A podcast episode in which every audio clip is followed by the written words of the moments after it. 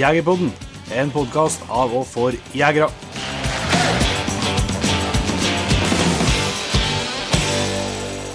Hjertelig velkommen til en helt ny episode av Jegerpodden.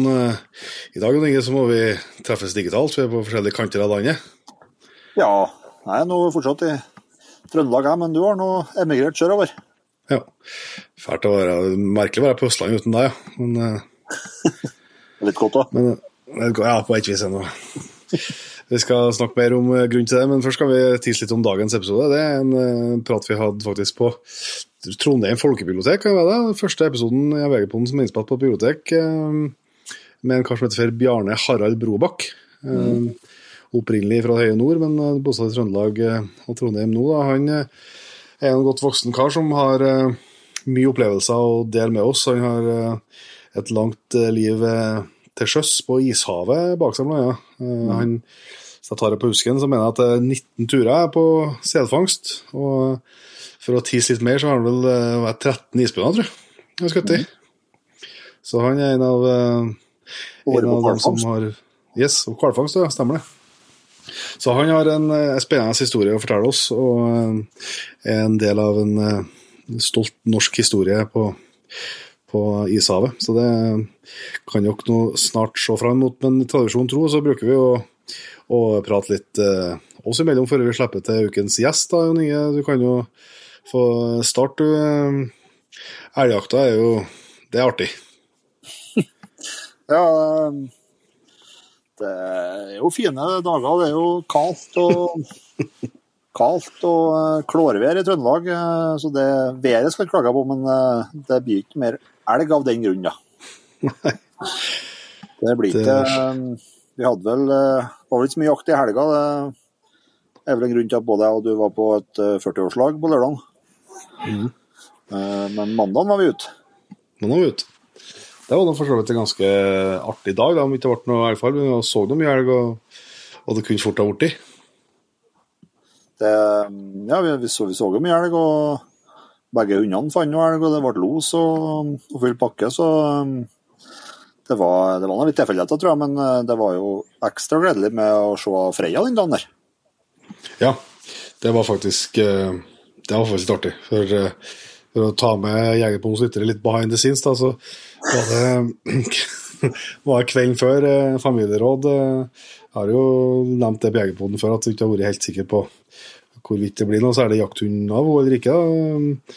Eh, Og Da hadde vi et lite familieråd der, for da hadde det kommet til et eh, kull med, med valper som vi sto på ei lest på, og vi måtte rett og slett bestemme oss om vi skulle gå for en ny valp, eh, eller om vi skulle gi Freya en høst til. da. Det var ikke meningen, skulle ikke, det var ikke meningen å ta livet av uansett, altså. men noen andre fikk ta over og prøve noe annet. da. Ja. Eh, Men der tapte han også det sang, da, i familierådet. Eh, Så det hun skulle få være med en høst til i lag med oss. Så det er noe, sånn måtte det bare bli, da. Mm. Men det var akkurat som hun har hørt, eh, hørt den praten eh, Freya før dagen derpå, så gikk jeg jo, hadde jeg jo sin, sin beste dag gjennom tidene. Ja. Så det ble ikke helt sensasjonelt, men jeg hadde noen par ganske fine søksrunder, og så til slutt så tok jeg ut ku og kalv, eh, men det var ganske nært oss, da, så de var sikkert det var sikkert mulig jeg støkk dem, for alt jeg vet. Det hvert fall ble ikke noe ble ikke noe los i starten der, men hun hang på en par kilometer kanskje, og så var det som hun ga seg og kom baksporet seg tilbake. Eh, og da tenkte jeg det var litt tamt, da, men jeg var litt helt overrasket. Men så nei, snudde jeg likevel, og så fortsatte. Eh, og da hang jeg jo på langt og bars lenger innover dalen, og opp i fjellet, over fjellet og ned i neste dal. Mm. Så jeg kom meg tilbake og ned til bilen etter hvert og fikk kjørt rundt i dårlig trekkerdekning der, så jeg var litt spent på å komme meg rundt fjellet og se om jeg fikk den på garmen igjen. og Det gjorde jeg nå, men da, da har han gitt seg til slutt der da, og på tur, på tur hjem, i baksporet. da. Eh, Men da hadde han sikkert måttet hunge på jeg vet ikke, sju-åtte kilometer, kanskje. Ja, det var noe. Så, så det var jo, var jo veldig fornøyd med det. og Jeg kjørte tilbake igjen så sitte og ventet på han som kom baksporet sitt. og Fikk inn igjen eh, på andre sida av fjellet, så var fortsatt på baksporet, men så plutselig vinkla av baksporet sitt gitt og gikk rett i los på sikkert noen elger. Mm. Og da sto det i los der til det ble eh, Det var jo godt utpå eplene, det, så det var, det, det var noen tre, tre kilometer, fire kilometer fra der jeg var, så det var liksom ikke sjans til å komme seg inn og, og få gjort noe med det før i mørket kom. da. Men nå sto i Los kanskje en liten at, ja, liten hærtime inn i mørket eller noe, sånt, for å tusle ned til baksporet sitt igjen og fortsette å skulle hjem. da. Mm. Var ganske varm i toppen det påfølgende tre-fire-fem timene der da det nå surra på å komme seg hjem, da, de siste 1,5 kilometerne. Ja. Men, eh, men jeg bestemte meg med en gang at Vi hadde avtalt et videomøte der klokka ni som jeg var bra sikker på at du skulle rekke, egentlig. Men eh, du holdt deg jo forholdsvis knallhardt på at du skulle ikke hente hund. Hun skulle få komme baksporet helt ned. og hva var det også brukt fire timer på 1,5 kilometer. Ja. Så det var tålmodighetsprøve. så det plutselig etter, og Spesielt når du ikke har dekning og ikke kan eh, scrolle på TikTok eller bare på Netflix, Og så, så ikke har noen, last, ikke noen nedlasta podkaster eller ingenting. Så, så er det fire lange timer. Men, eh, lange timer. Ja. jeg, ja, men at jeg, jeg, jeg tror det er viktig uansett. Når det ikke er noe farlig, så tror jeg det er viktig uansett å få latt hundene lære seg at de skal komme baksporet sitt helt til de treffer noen. Ja. Og spesielt hun tror jeg er en type som jeg har lært å kjenne så langt, i hvert fall, som hvis hun blir vant til at hun, hun blir henta, for hun la jo seg ned flere turer. Ja. Eller rekte med for, for å ro på strekkeren, eller på, på garmen. Så, så jeg tror at hvis hun blir vant, jeg tror det kan gå veldig fort hvis du henter henne en gang, til at eh, du må forvente at hun skal hentes hver gang. Akkurat eh, den påstanden eh, holder jeg med deg i. Ja. Så da var det bare å smøre seg med tålmodighet. Men det var uansett et eh, uansett en artig, eh, artig å se at det kanskje er på vei i rett retning, da. Mm. Men uh, Laikan var jo i farten den dagen, da. Men det er bare så til fjells. var han jo. Det er bare så til fjells og en, eh, det var en elg som sto litt, litt for nært oss. eh, Han tok ut en 300 meter fra ifra meg, da. Eh, Men, eh, men eh, det hørtes godt på losen, og så jeg delvis i kikkerten at han eh, Der tror jeg han gjorde alt han kunne for å få den elgen til å stå ro. Ja. Eh, Det rareste losmålet jeg har hørt på en spisshund noen gang, det lydene kom akkurat da. Mer som en plott. Ja, det var voldsomt uling, men eh, Nei, det er, det er mange som spør, eh, spør hvordan det går med eh, det må man bare si, at også spesielt for terrengene som vi, som vi har, har per dags dato, og der det er mye fjellterreng og veiløst, så, så er det en, en super hund å ha med seg. Det, altså, søket kunne gjerne vært altså, Søket er nok bra til å være Laika, men eh, det har jo selvsagt kunnet vært bedre. Men det som er kjempekjekt, er jo at han, eh, han gir seg rett i. Ja.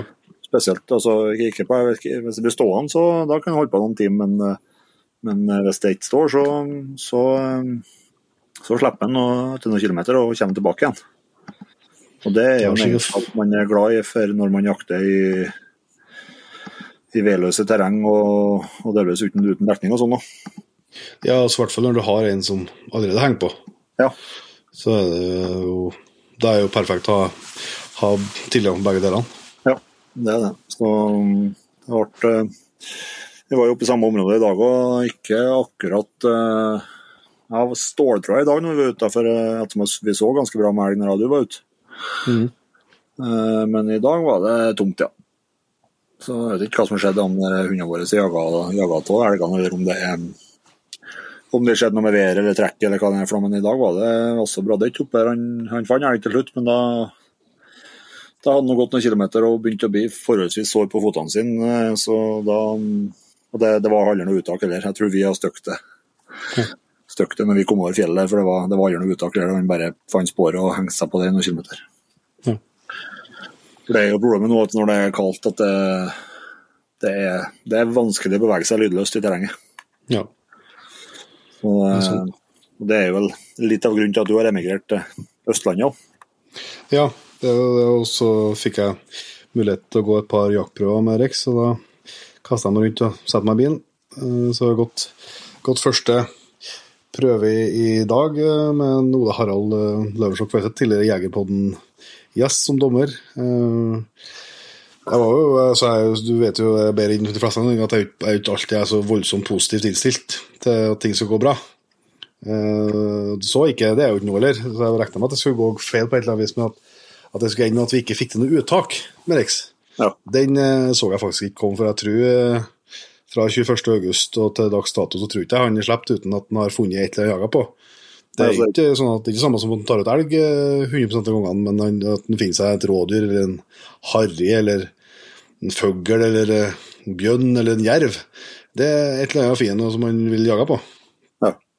Og da når jeg får og slipper på det som sannsynligvis er det mest viltrike marka han har vært løs i i sitt liv. Ja. Og han klarer å springe 3,5 mil i løpet av uh, søkstida uten å finne noe å jage på. Det, den så ikke jeg kom, men det skjedde noe. Det, du fikk vite om søket, da. Ja, Jeg så skal prøve å spre litt positiv eh, budskap. ja, ja, han får jo så mange poeng som det er mulig å få til, uten å bli prøvd i mer enn to moment. Ja.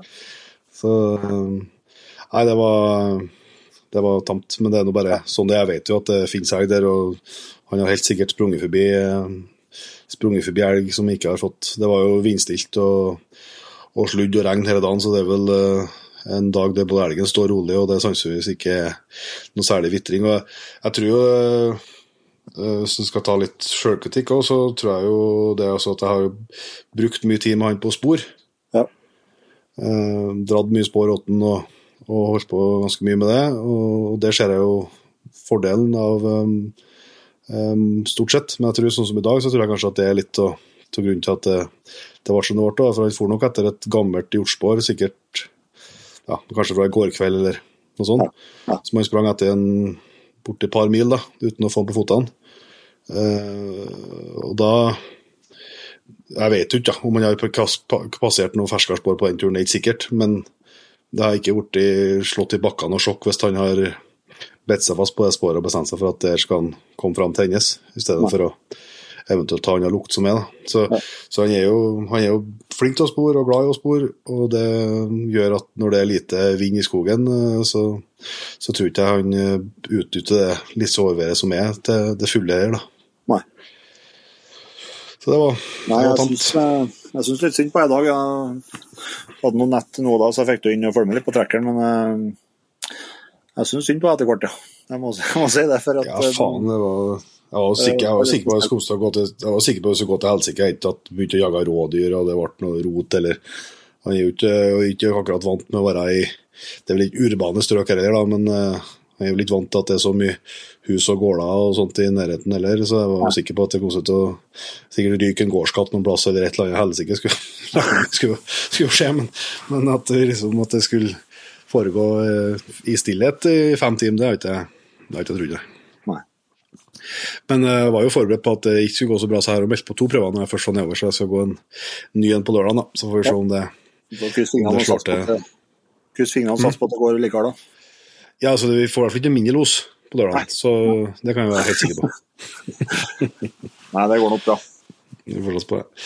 Men vi kan jo trekke fram et av ukens høydepunkt, da, om ikke jaktlig, da, men uh, i hvert fall sosialt. Vi var jo oppe i Mo i Rana på Meiergården på besøk til vår eh, gode venn Svein Jæger Hansen på tirsdag. Det var vi. Han har kalt inn til en uh, vill, vill viltaften med, Yes. Med Ja, det var vel 40 billetter som var lagt ut, tror jeg, og 52 til bords, så han er nå lik seg. Ja, ja. Uh, og det var jo, ble jo solgt ut på, på no time. Uh, han inviterte jo til um, med femretters middag, og så det spesielle var jo at eh, produsenten av halvvin Mm. fra Italia var jo til stede. De, som bor, de, de som bor på vingården vår. Ja, sånn ja. Nettopp. de, som er, de som er født bak der. Ja. Så det var jo, var jo trivelig å hilse på dem, og importøren, altså Haugen-gruppen, var jo til stede, så vi ble litt enda bedre kjent med dem. Og ja, det var jo en kjempekveld, rett og slett, med masse god mat og Svein Jæger i storform, og, eh, og masse trivelige nordlendinger. Yes, artig, artig å se en Svein på hjemmebane. Vi har jo opplevd matkunsten hans på nært hold i, i flere år, vi har vært heldige med det, men det er artig å se han liksom på hjemmebane og kokkehatt og Han har kontroll på det godeste Jeger Hansen, gitt. Han har det. Han er flink. Så det var jo egentlig en slags, en slags lansering av Jeger, eller av Jegertoners halvvin her, da. Eh, Så den, og den har jo blitt godt mottatt eh, i det ganske land, eh, vil jeg si. Eh, Det har gått eh, flere tusen flasker, og, og de er i hvert fall med at eh, salget er meget bra, det her, eh, de som forstår seg på det. Så, så det er artig at folk har eh, og Vi ser jo på, på Instagram og Facebook og at det blir tagga bilder med folk som koser seg med, med halvvin eh, både sent og tidlig, nær sagt. Ja. Ja, og så er det jo stadig flere og flere pol, og nå ser jeg som, som har inn som eh, standard hyllevare. Så det, det er jo takket være dem som bestiller det. Jegerboden Sluttere, vet du, som er, som er primus motor, da, så det er bra. Så før vi slipper til en uh, Bjørne Harald, så skal vi uh, bare gjenta budskapet om at den 13. desember, onsdagen der, så skal vi til Tigerstaden, selveste hovedstaden, og gjøre Jegerpodden live under ja. Tas opp på Eldorado kino. Så vi håper veldig på at at uh, noen av dere som hører på, kanskje befinner dere enten i Oslo eller i nærheten av Oslo og har lyst til å ta turen og dele kvelden i, i, lag med oss. Jeg tror vi har et, uh, et, bra program og en god plan for en artig podkast på plass. Og så vet jeg jo at det er for Patriens noe mulig med, med rabatt på, på billettene. Der ligger ja. koden der på Patriens-sida. Så, så det er muligheter for dere som er i Patrian-klaget, å, å gjøre en ekstra god deal på billetten. Mm. En jeg annen nyhet til Patriens, tar ta det jo helt kort, er jo at eh, vi har fått en avtale med dyrefòr.no og VIP Dogware, som vi har brukt både hundmat og utstyr fra i mange år, om 20 rabatt mm. på nesten alt de har, bl.a. hundefôr til, til Patriens. Så det er et det vil jeg si, det er jo en fast rabatt som er der. Det er ikke noe Black Friday Week eller noe som helst. Det er det er dekkende tilbud.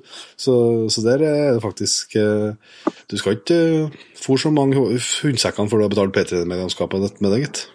Nei, det er, mm, det er, godt å kunne gi noe sånn, sånn tilbake til, til P3-en. Så, så, eh, det er jo som du sier, at det holder på, holder på, å lønne seg hvis man, hvis man går, for, går fra handle og fra dem òg. I tillegg til nettbutikken vår, da. Oho.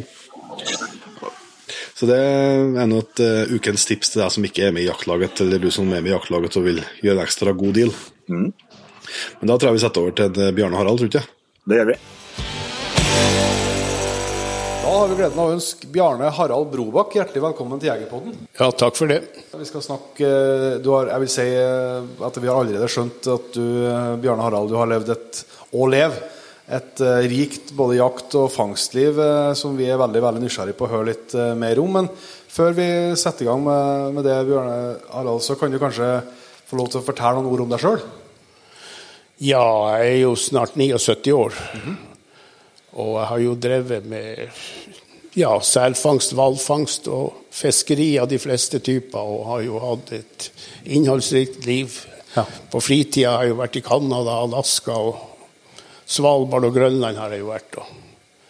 Så eh, jeg er jo fornøyd med livet mitt og det jeg har opplevd. Ja, det er all mulig grunn til. Hvordan, eh, hvis du tar jaktinteressen, da, starta, ble du interessert i jakt før du begynte på isen, eller kom det som en følge av eh, opplevelsene med fangsten? Eh, jakt har vært stort der i Balsfjorden. Eh, skyting og, og, jakt, der som jeg kommer ifra. Ja.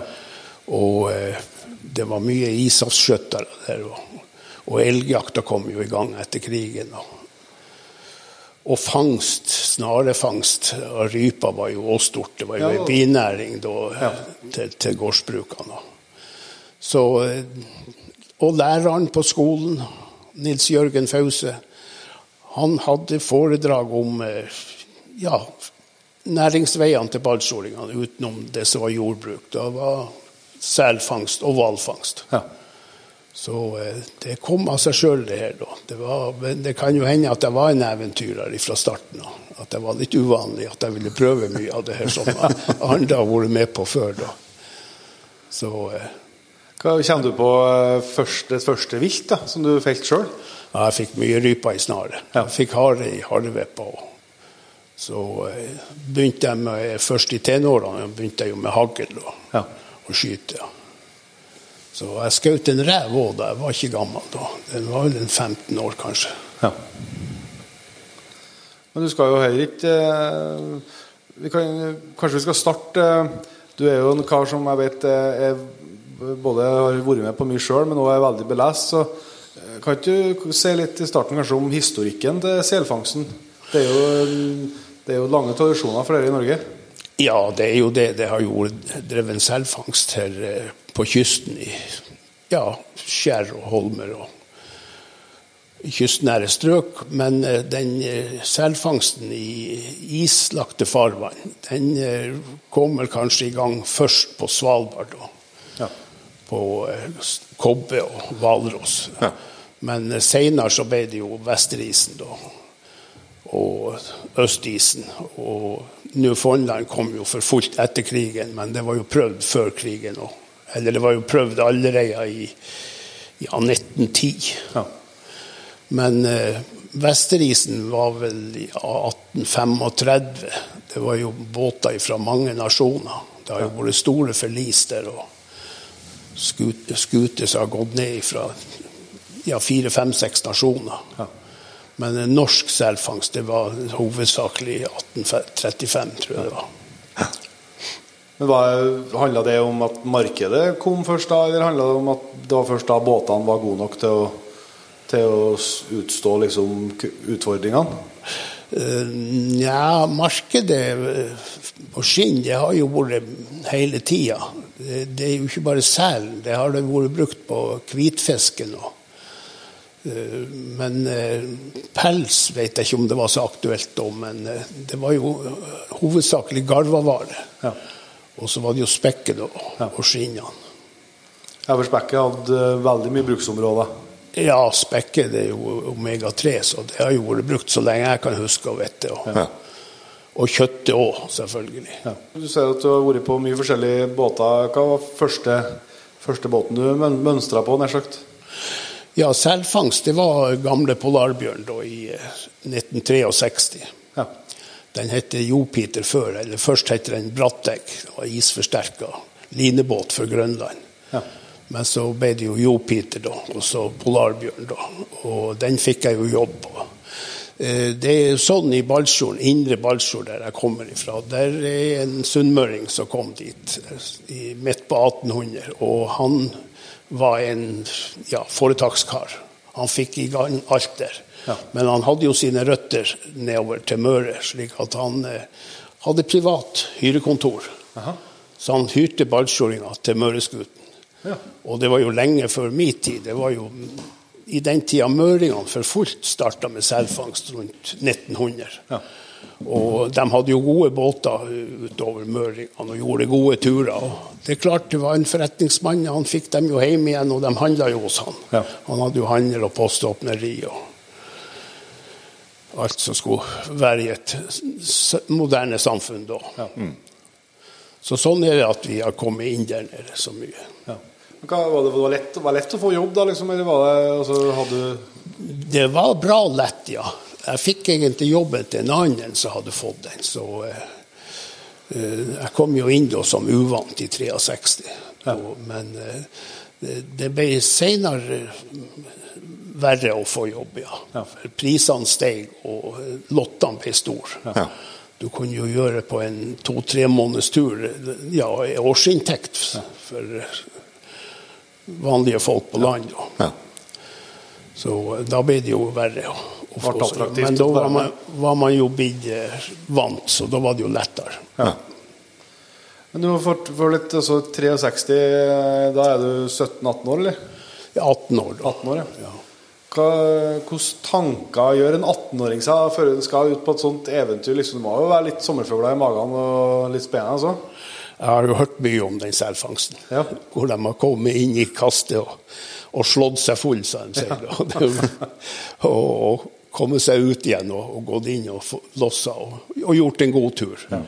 Og eh, i tidligere tider, da, i Vesterisen, da kom de jo inn der og lossa, og så gikk de jo til Østisen og, og kunne slå seg full der òg. Og to, to, turer på sesong. Men på Newfoundland har det aldri vært to turer, det har vært bare én tur. Ja. Så det var den store og lange turen, da. Ja. To to måneder og vel så det. Det var jo fra 10. mars, og så tidligere var det jo til 5. mai. da. Men eh, det var ut april da jeg så Men dere starta ut fra Tromsø, eller? Nei, fra Ålesund. Ålesund ja. ja. Det var Møreskute. Jeg har vært med ja, mye, mye Møreskute. Men jeg har vært med en del Tromsøskute òg. Ja. Men eh, for, eh, du bruker noe begrep her eh, som er innenfor skjedefangsten, at du sier at dere kommer inn i kastet. Ja, det, det kastet det er jo konsentrert. Det er der grønlandsselen kaster ungene sine. Ja. Og de kommer liksom Det er flokkdyr, veldige flokkdyr, grønlandsselen. Så de kommer i lag til den isen den vil ha, da. Ja. Vinterfrossen is. Og, og går opp på den og kaster. Ja. Og det er da, det er da, det er da de fører ungene. Der, der legger de ungene sine, Ja. da. Og så har de jo veldig kraftig melk. Ja. Det, og så er de jo ute da, og eter seg opp litt. Da. Men de blir jo nedtappa, så de er jo magre når biesesongen er over. Da. Ja, ja. Men det går ikke lenge før de spiser seg opp igjen når det er mat nok. Nei. Og da, den første turen her, da, det, det var Newfoundland. Newfoundland, ja. Hvor lang overfart er det fra Ålesund og til dere liksom var i fangstområdene? Det kan jo gå på en syv-åtte døgn men, eh, hvis det er godt vær, men det kan jo fort bli mange døgn flere hvis det blir uvær. Ja. Ja, for På den første turen eh, vi har jo, Du har jo skrevet ei, en god bok som heter 'Fra Balsfjord til Brandal', som vi har eh, lest da fra perm til perm for å forberede oss litt. Og, eh, jeg mener det sto på førstereisen at dere, da frøs dere inn Ja, på tur til fangsten. ja, vi var på tur inn til kastet, Ja. Men vi ble fast, så vi kom oss ikke fram. Og det var dårlig sikt og snøfokk, Ja. så vi klarte ikke å orientere oss. Og han sendte ikke ut folk. Det kan hende at vi var nærmere kastet enn vi var klar over sjøl. Og det er sånn på Newfoundland at isen han kommer seilende nedover Labradorkysten med ei og to mils fart. Og så står det jo isfjell der som står på grunn. Og når den treffer det, så deler han seg opp. Og, når det kommer nedover til Gråøyen, så deler han seg opp i isen. Og du, du kan ligge om kvelden helt i is uten en sel, og du kan våkne om morgenen midt inne i et kast. For det har Ja. omstokka seg alt i hop. Ja. Men vi kom oss jo løs da etter fem døgn, tror jeg det var. da. Og da kom vi i fangst med en gang. Ja. Så om det hadde skrudd seg dit, eller vi hadde blitt skrudd dit, eller om vi var så nært det Men vi var jo nært eh, innløpet til eh, Savle- eh, Savlensegulfen. Så har vi kommet inn der, så har vi jo ikke kommet oss ut igjen. Nei. For der går jo strømmen som regel inn, Labradorstrømmen. Ja.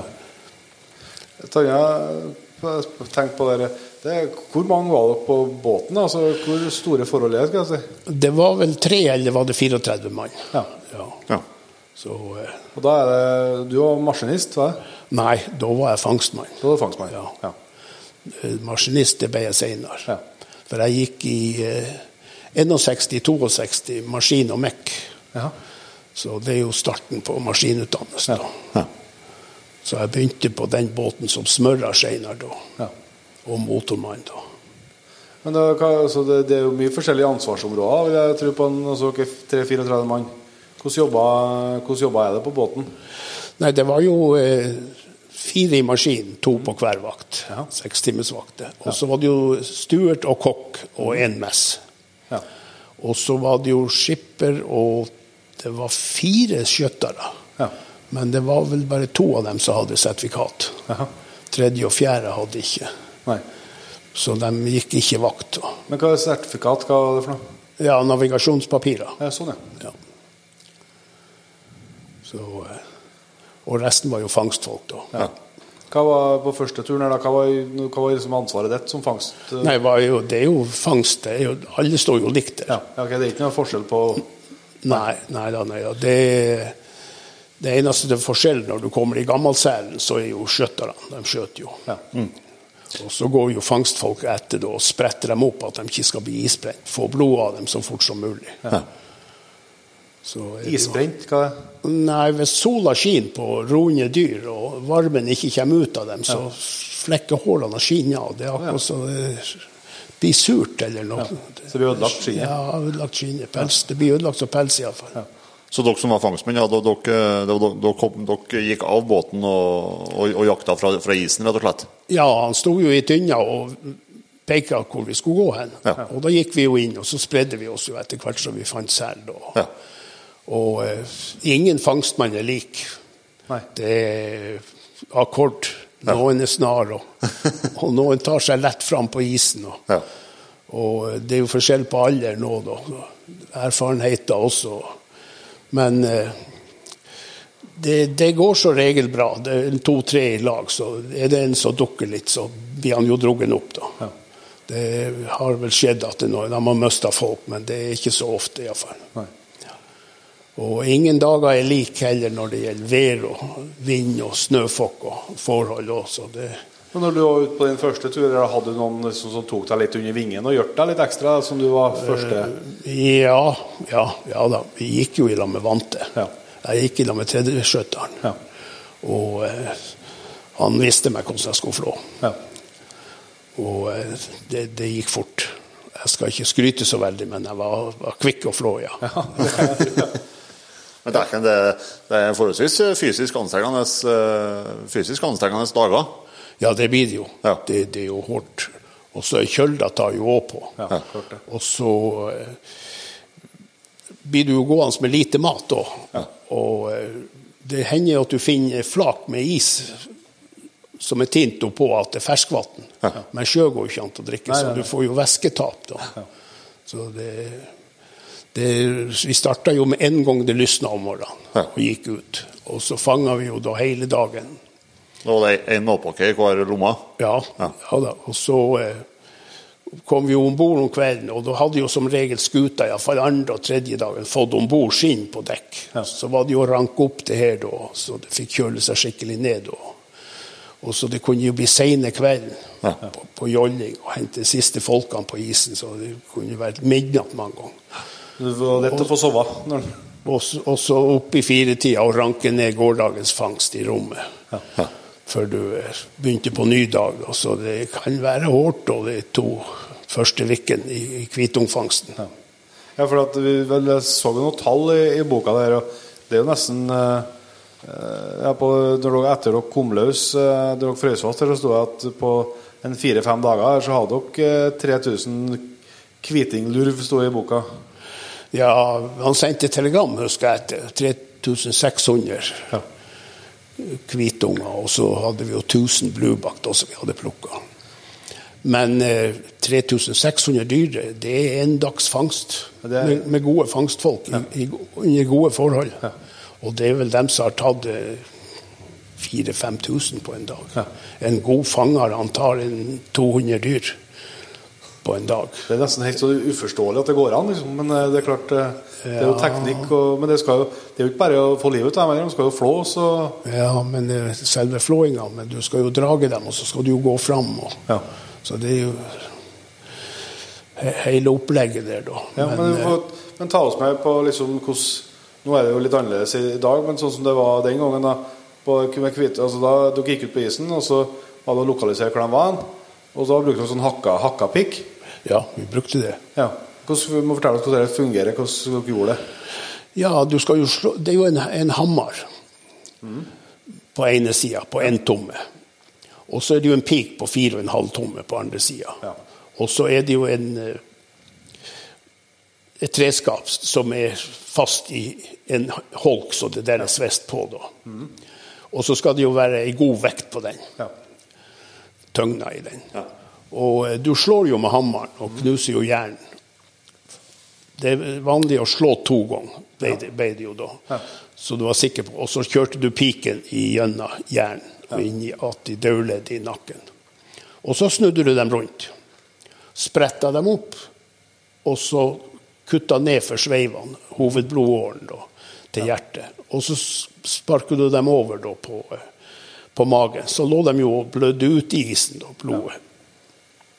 Og da stoppa jo hjertet, og, ja. og, og lungene slutta jo å gå.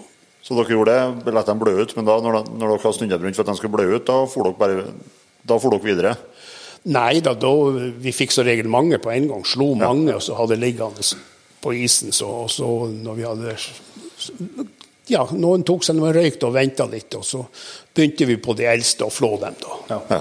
Men når du begynte å få rutinen din på hvis du skal anslå, hvor lang tid brukte du på å flå en sånn selunge? Ja Det var jo mange som var på 30 og 35 sekunder, men jeg har jo hørt om toballskjåringa der han Likkjodd og han Gunnar Nikolaisen de var 22 og 24. Men eh, jeg skal ikke skryte, men eh, det var dem som sa det. Jeg var nede på 20. Ja. Og det er vel mange som har vært under 20, og 25 og 25 og 26 mange som har hatt.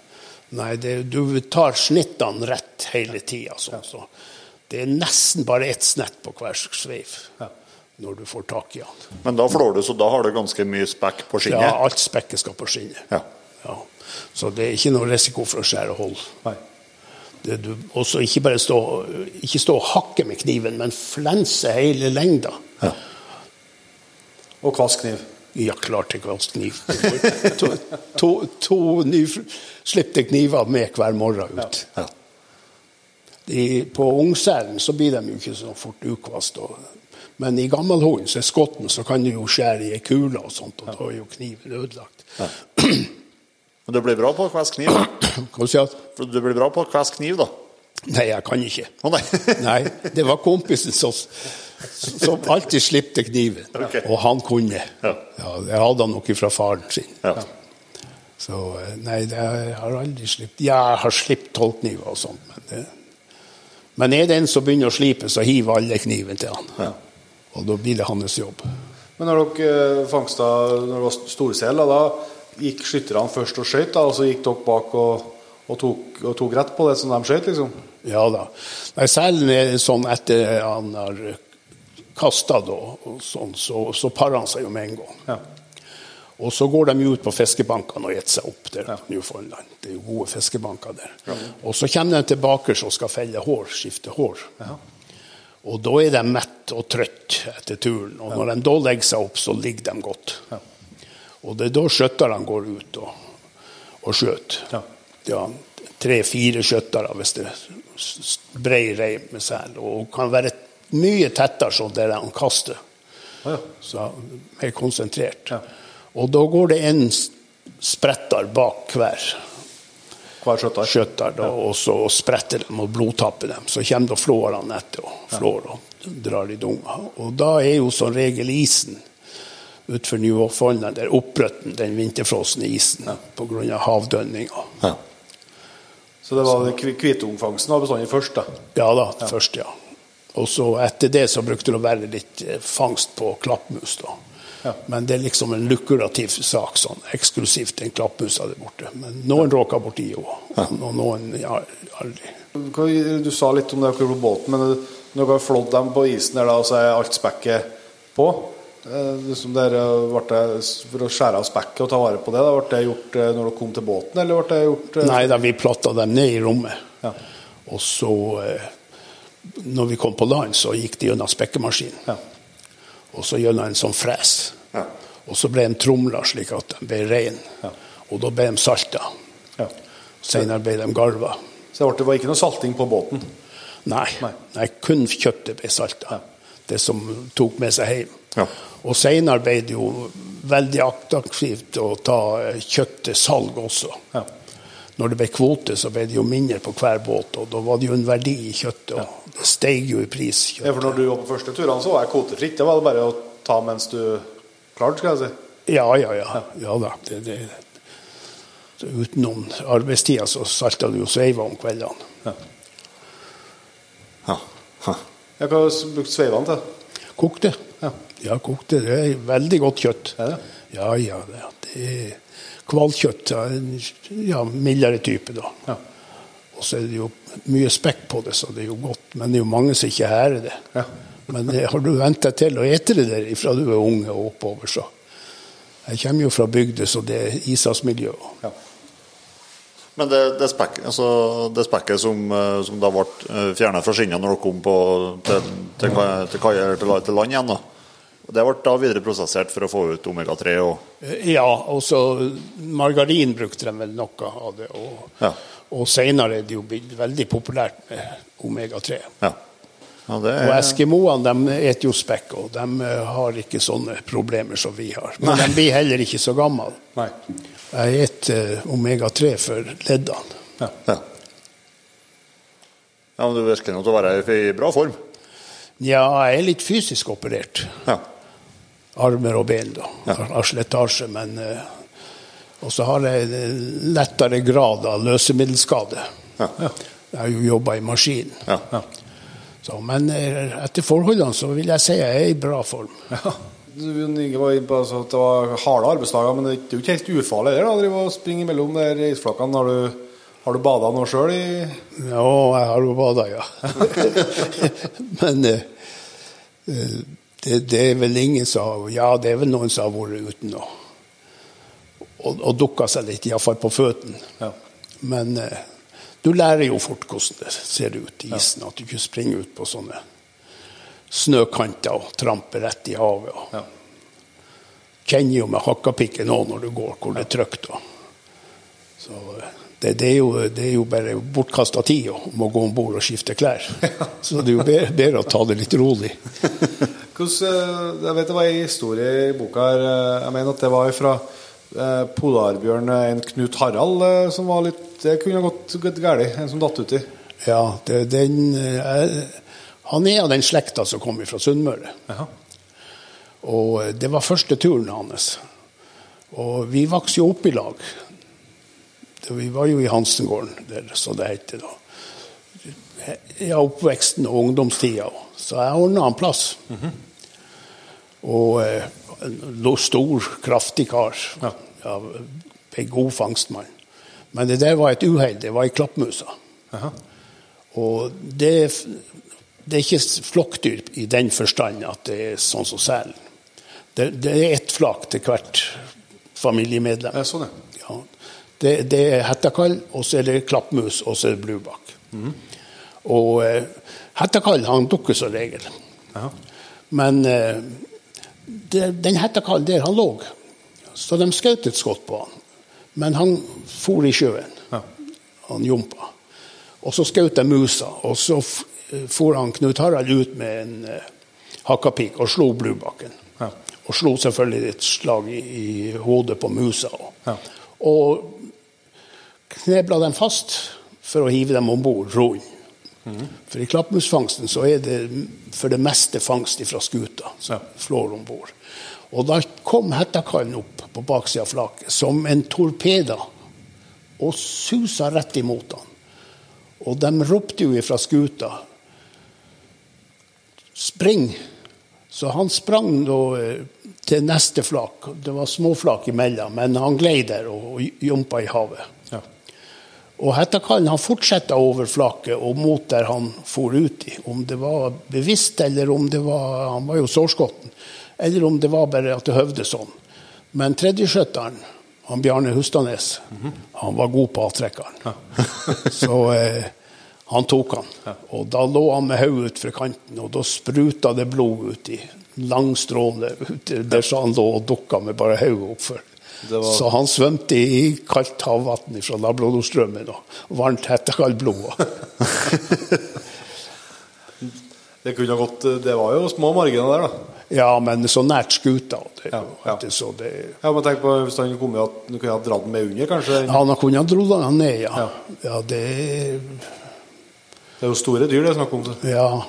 Men eh, han, han var skotten i halsen. På den turen det fikk vi 500 hettekaller uten at det var noe annet. Ja. Så de hadde samla seg etter et skikkelig storm som gikk der. Ja. Jeg har uh, moviefilm fra den stormen der. Det var altså alvorlige sjøer. Det er vel 26 meter høy rigg på Polarstar. Og jeg filma den og gikk ned i bølgedalene, og det var vel en meter eller to under tynna. Ja, det var kraftige sjøer. Det var ikke så mye vind da, men det, den hadde vel lagt seg. Men det var eh, dønninga når de trefte kanten der, som slo så veldig. Ja. Tynna, det er den utsiktsposten som er høyt oppe i masta? Ja, ja, der, er der, for, formasta. ja, der de står og spotter. Hvordan var det når var på Newfoundland? Var det mye kappløp skulle jeg si, med andre, båter? Så, så det var Ja. bare dere som var ute på fangst? Det var, det var mye. Det, den som sterkest skid, kom jo lengst inn og, Ja. i beste kastet. Ja. Og så var det jo mange ganger du fikk fangst på isen så du ikke kom deg til å få henta. Ja. Og det kunne jo være andre skuter som var nærmere og kom nærmere til. Og, Ja. og fikk tak i det. Og de ropte jo som regel på senderen vi har funnet noe av gammelfangsten din, skal vi ta det om bord, eller skal du ha det sjøl? Men som regel så, så tok de det jo bare om bord, de fikk beskjed om det. Så. Ja. Ja, Da tok de det som, som sin fangst? Da. Ja da, ja da. Det, det, kunne jo være andre veien neste gang. Ja, ja. Den eh, polarbjørn som du var på, det var i stålskut. Men eh, når var liksom overgangen eh, her da, på, mellom treskutene og stål, og det ble mer stål? Ja, altså På Newfoundland der var det jo eh, i 63 kun stålskuter. Okay. Ja, det var syv fra Møre og syv fra Tromsø. Ja. Og i eh, 62 gikk den siste treskuta ned. Det var Kvest. Skjeldrup i Bodø si. Ja. Og i 61 gikk Vartdalsskuta, Veslekari, ned. Skrudd ned. Ja. Det var òg ei treskuta. Ja. Så da kom ikke noe Det var canadiske treskuter. Det, det, var det da i 63 og 64. Ja. Arctic Endower, Arctic Sealer, Arctic Fisher og Terranova. Store, kraftige skuter. det der. Ja. Hadde fanga i mange år der borte. Det er noe som er vanskelig for meg å forstå, men jeg er jo ikke noen sjømann. det er jo det er jo med navigasjon. Det er jo, det er jo før GPS-en sin tid. Ja, altså når vi gikk fra Møre, så heiv vi jo ut en logg. Ja. Så vi leste av hver vakt hvor mye vi hadde tilbakelagt. Ja. Og eh, de hadde jo en, en, en, en, en peiling på stasjonene. Ja. På Island, vet jeg. Og så borte på Newfoundland var det òg noen stasjoner den peila. Og så var det jo krysspeiling, da, så vi visste jo hvor vi var hen. Ja. Han Førsteskjøtteren, han Johan Olsen, han var veldig god på det der. Ja. Så eh, Ja, så var radio, og radiopeiling der? rett og slett, Så du fikk Ja, ja, ja, ja. Pe- peila stasjoner på land. Akkurat. Eh, Hvilke andre båter har du vært på, på selfangst? Ja, jeg har jo vært på de Møreskutene der. Det er jo Polarbjørn og, Polarstar. Så har jeg jo vært på eh, Nordvarg, og så har jeg jo vært på Kvitungen og Kvitbjørn. Riberskute. Og da er det vel ikke flere jeg har vært på. Så det vil si, hvor mange turer har du totalt på selfangst? Eh, 13 turer totalt. Så jeg, var på eh, eh, Polarboy òg i 98, og 99 var siste turen, og 13. turen. Hva var, det beste, beste året for din del? da? Altså, 64 var jo en veldig god tur. Ja. Det var jo en svær lott, og det var jo som eh, lærer på land, da, Ja. eller anleggsarbeider. Så det var, prisene steg veldig fra eh, 62 til 63. Ja. Men i 63 hadde vi jo lite fangst. Ja. Men allikevel så ble det en stor lott, Ja. Så prisen var så god. så prisen var god. Og så hadde vi bra dyr da. Men pri, hva prisen var, det beste visste du ikke før dere kom tilbake kom til land? Nei, det er jo som et marked som regulerer det. Ja. Så det var litt spenning det da, når en er på tur. Ja, det også, da. Og Riber ble jo enerådende på kjøp av selskinn, da. Så eh, da ble det mer sånn ja, standardisert, da. Ja. Men det, det var jo liksom I Europa var det kaldt en vinter, så skulle de fine damene ha pels. Og. Ja. Men samtidig når i Europa, de fine damene, og der de fikk se de her skrekkfilmene som de sendte om selfangst, Ja. så, så ville de ikke ha Og det ble jo importforbud. Det ja, for det begynte, det begynte allerede på den tida her, den her motstanden mot selfangsten. begynte jo på 60-tallet, noe av det der. da. Merket Og i 69 da ble det jo mm, ja, regler. Da skulle nye fang, fangstfolk eh, opplæres av veterinær. Og så var det reglement og Ja. bruk av hakkapikk. Og, og skulle det være kraftigere kaliber på våpnene. Så eh, Så da skulle noen som aldri har vært på selfangst, fortelle dem som har vært på selfangst i, i 20 år og mange tusen seler bakom seg, hvordan de skal gjøre det. Nei, det, de, dyrlegene det var jo biologer, så de forsto jo og, kunne jo visste jo men akkurat praktisk bruk av en hakkapikk, det, det, det sa vi til dem, for vi gikk bortover der. For det skulle friskes opp av gamle fangstfolk òg. Ja. Og det tok de jo med en gang. Det var ikke sånne som var enerådene som hadde lest i boka og, og var best. Nei. Nei, det, det var De skjønte jo det. Ja. Men den eh, sesongen, sesongen 64, da, det var andre sesongen din. Ja. Det var um, Hva var, var, var mange dere kom i land med da? Mange seler? Ja, det var 14 000 dyr. Ja.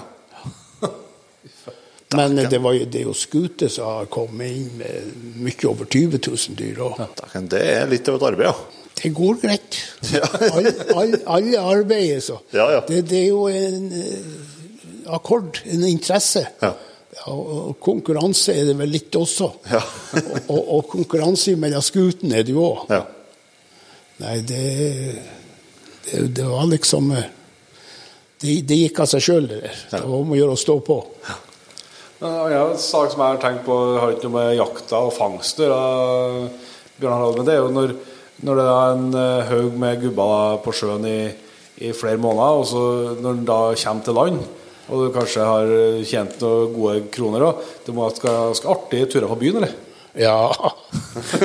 det er den hvalfangsten og hvalfangerne i Sandefjord og Tønsberg. Ja. De var jo kjent for å, å være livlige da, etter lang, lang sesong der. Og mye lenger så det han, turene på uh, Newfoundland. De hadde jo halve året, tror jeg det var. og sånt. da. Men eh, i Ålesund det var, det var mye damer på byen, ja. Da, da, da Newfoundland-skuten var kommet inn. Ja. ja, for de, de meste dem òg, når skutene kom inn, så da var det Ja, det var stort i den tida. Ja. 60-tallet. det- det- han, eh, Newfoundland-skuten. Ja. Hvalfangsten, du har jo drevet med, med det òg. Hva var første, første tur på hvalfangst for deg?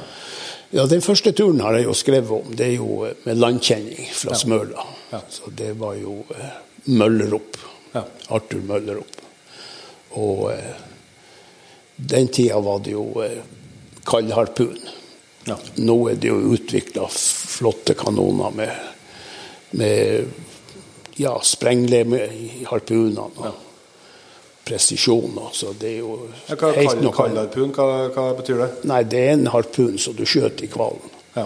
Og da har du den jo fast. og Så må du jo trøtte den litt ut, og så trekke den til båten, og så skjøter ei kule i hjernen på den. Ja. Så det er klart at det er jo ikke noe fint for, for finere folk, da. Nei. Men hvalkjøtt er jo godt, så. Ja. Det er jo derfor han blir fanga. Og så er det jo bra spekk på hvalen òg. ja. Når var det, var det 81, første hvalfangsten din? Ja. Ja. Hva, hva, hva var det da? Hvordan hvaler jakta dere da? Det var eh, vågehval Vågehval. som det var kvota på. Ja. Storhvalfangsten han, ja, han slutta vel av først på 50-tallet. Ja. Det var vel litt grann seinere eh, i Antarktis. Noe på 60-tallet. Men det, det var jo ikke pga. kjøttet, det var jo spekket. Ja. Men eh, det her var jo spekket og kjøttet. Men vågehval er jo Det er jo en ganske stor, eh, stort dyr, det. Ja, de hvis de er en tre og et halvt tonn, så er det en stor fisk. Ja. Ja, det, Så eh, Det var, det var, det var beskjeden til nordlending å være. Ja. Men eh, de regulerte det og veldig sånn vitenskapelig. ja. For eh, hannfisken han kom eh, litt seinere og her på kysten. Og hovfiskene dem, eh, som hadde foster i seg, de gikk til Svalbard. ja. Og det er klart at for, eh, forskerne stoppa jo det der, da. Ja. Men det er ingen eh, problemer med, med, med bestanden. Nei. Det, det, det er stor bestand av vågehval. ja. Og det har jo tatt seg opp til andre hvalsortene òg. Men når dere, når dere hadde dere noen kran, så fikk dem opp i båten og så begynte å bearbeide dem, eller? Ja, tar jo i stropp rundt sporen. Ja. Og så har du jo en uteligger som kaller det en bom, som går rett ut på andre sida med blokk i. Og så har du jo kutta ned i rekka, slik at du drar dem inn der. Så det går lett og fint. Og så har du jo en skikkelig kraftig krok, så du hogger fast i dem og gjør fast, slik at du får snudd dem akkurat sånn som du vil ha dem. For å flense dem da inne. Først spekke av dem, og så kjøttet. Kjøttet utover dekk på ristet, så det får kjølne før du tar det ned i rommet. Ja. Ja, så, så, så tar spekket først eh, Det er en egen operasjon å ta spekket, og så Ja, kjøpe etterpå? ja, ja. Og spekket, det hadde vi en stor binge bak på hekket som vi hadde. Ja. Og kjøttet, det husker jeg etter at vi hadde tre hannhvaler som vi fikk med Bjørnøya før vi gikk til Svalbard. Det var seks uker, og han kontrolløren da vi leverte ut i Fosnavågen, han skar terninga innst i kjøttet og smakte på rått. Og ba oss å smake, og det var, hadde vært hermetisk lukka nederst i rommet. Så det var like godt. Og mørt og fint. Hvordan er du fangsten og jakta? Er det sånn dere at er en oppi den tønna og, og speide etter dem, og så er det å komme seg på, på skuddhold, liksom? Ja, altså eh, Hvalfangsten, det står jo alle i tynna. Ja. Det kan være to mann, og så sitter de jo på rorhuset, de som styrer Ja. maskinen og farta. To-tre stykker. Og de kikker jo òg, men det er jo helst fra tynna du får se hvalen. Og jeg har jo drevet med jakt og, og sånn siden jeg var liten og interessert meg for naturen og fulgt med, så jeg er god se hval Ja. på lange avstander. òg. Ja, for da Når du ser, ser- de opp og, opp og snur, da, eller opp og puster? Ja, ja, de er opp. ja, Det er noe sånn at når du ser en hval på havet, så prøver du å gå framfor han. Okay. Han har jo en kurs, som regel. Ja. Og så, for det han var oppe sist, og så legger du stilt. Stoppe. Motoren og alt? Eh, Ja, det kan de òg gjøre. hvis det er et- Og så er det en søker som kommer til båten, så får du han som regel som søker. da. Ja. Men eh, hvis ikke det går, så ser du jo hvor mange blåst han går. Hvis han går bare ett blåst, da er han bare lite grann på dybda Ja. og har åta, og- eller han er på vandring. Da. Men eh, han kan gå opp i en seks-syv blåst. Og da ser du siste blåsten han går ned, og så han voldsomt krum på, på ryggen. Ja. Og så bærer det ned, og da kan han være lenge under. Og så går han da ja, sine blåst, som de sier, da. Fem, seks, syv blåst. For å puste seg opp, da. Ja. Så du må prøve å få tatt han da på sjette eller syvende. Femte eller sjette, da. Måtte, hvor nært måtte, måtte dere, da? Det var ganske nært for å skjøte og være sikker. Så, eh, det var dyrt å skjøte et skott av gårde. Så et bomskott det var mange tusen i tap. Ja. Han var god å skjøte. Ja, var skaut. Var det noe innskjøting på det her? da, så de, var et sikte, det var noen siktemidler? liksom sånn? Ja, det, det var jo en Henriksen-kanon, 60 millimeter. Ja. Og så var det jo ei sånn ledstong oppå kanonen. Ja. Og så var det jo om å skjøte i havet før det kommer til hvalen. Skyskott, som de sa. Og da går det i hvalen. Ja, sånn, ja. Ja, for det er så lite av han som er oppe. Ja. At det, altså, så hvis du, det kan være snart å mislykkes, ja. Ja. Men du får sjøskott på han, så. Men hvor, eh, når du liksom fra Når du treffer du skulle et trok, da, hvor det her måtte for å trøtte ut noe, hvor lang, eh, lang seanse var det? Ja, altså De aller fleste det treffer dem godt. Ja. Lunga eller hjerte eller sentralt. Så han tauer du bare inn det, selv om du var kaldharpun. Men hvis du skjøt at det satt dårligere, så gikk han jo litt, og så ga han seg, så tok du til. Så det var jo ikke noen fin fangst. da. Nei. Men det var jo gammeldags metode. Ja, for du snakker om eh, nå, så er det, da skjøt de ut Det, det er kanonene de bruker nå i dag òg? Kanon, ja. Og så eh, er det da eh, sprengladning. Ja. Sprenglegeme framme, slik at de ryker med en gang. Jeg tror det var nesten 100% 7-98% sikkert. Og det må man jo si er godt. da. 100% er jo sikkert når man dør, det er ikke noe mindre. Men som en- Ellers er det mye som, som er opp mot 100. Ja, Sånn som du beskriver da, når dere skjøt også, og du får inn et, at det- i all hovedsak var hjerte- og lunge, lungetreff, så det, det er jo samme som vi gjør i dag på, på storvilt, det. Ja, ja, ja. ja, ja, ja. Så det er jo ikke noe Det er jo ikke annerledes. Men den som står i tynna, han må gi hold til skjøtteren. Ja. For han står så høyt at han ser hvalen i havet. Ja. Og så Ja, nå kommer han, nå kommer han, nå kommer han framover. Og nå har du han, da. Så bare følger han, da. Og så roper han, nå kommer han opp. Og da er han innskotten på det, skjøtteren. Ja. Men da må han jo være kald og få trukket av akkurat når han er oppe der, da. Ja. Når de kan gå rundt båten og leke seg, hver atte og se på propellen. da. ja, for de er, de er, de er nysgjerrige. Ja, noen av dem, men noen er veldig var. Ja. Vi hadde tre stykker der oppe med fuglehuken på nordsida. Forlandet på Svisbergen. Vi skjøt fast den største. Jeg sto i tynna og havblikk helt blankt. Var ikke muligheter å se hvor de andre gikk hen. Skulle du se blåsta den har vært oppi igjen. Så de forsvant. Men hvor mange hadde dere eh, kvote, eller hvor mange fikk dere tak i på i første turen din? da? Mm, Det var noen og 50 tonn. Det var kvoter på, på 70 tonn Ja. kjøtt. Men ikke, ikke antall kvoter. Nei, sånn nei, det var ikke antall det var på Nei, kjøpet. det er jo hvor store dyr du får da. Ja. Men det var ett tilfelle der eh, I Bredjup utenfor Belsund, mm -hmm. det var det mange hvaler. Ja, det var eh, våghval. Og så var det én stor hval. Jeg husker ikke, jeg tror det var en finnhval. Men vi brød oss ikke så mye om den. Og vi gikk fram der, og eh, vi fikk skotten fast en våghval. Mm. Alt forsvant av våghval. Det var kun den der finnhvalen igjen. Aha. Så de har noe slags system for å kommunisere. kommunisere ja. Så de forsvant. Ja. Men denne hadde ikke samme frekvensen, så. Så han ble igjen. Men han kunne jo ikke skjøte. Nei, nei, nei. Hva tenkte jeg på både når det gjelder hvalfangsten, men ikke minst det her eh, selfangsten. Når du holder på på isen der en hel dag og flår og, og skjøter og slår. Og det må jo være ganske blodete og se ganske ruffig ut når du kommer tilbake til båten, eller? Ja, det spruter jo litt blod rundt. Ja. på dekket på hvalen så bruker du jo oljeklær, og ja. de skjøller jo ja. da.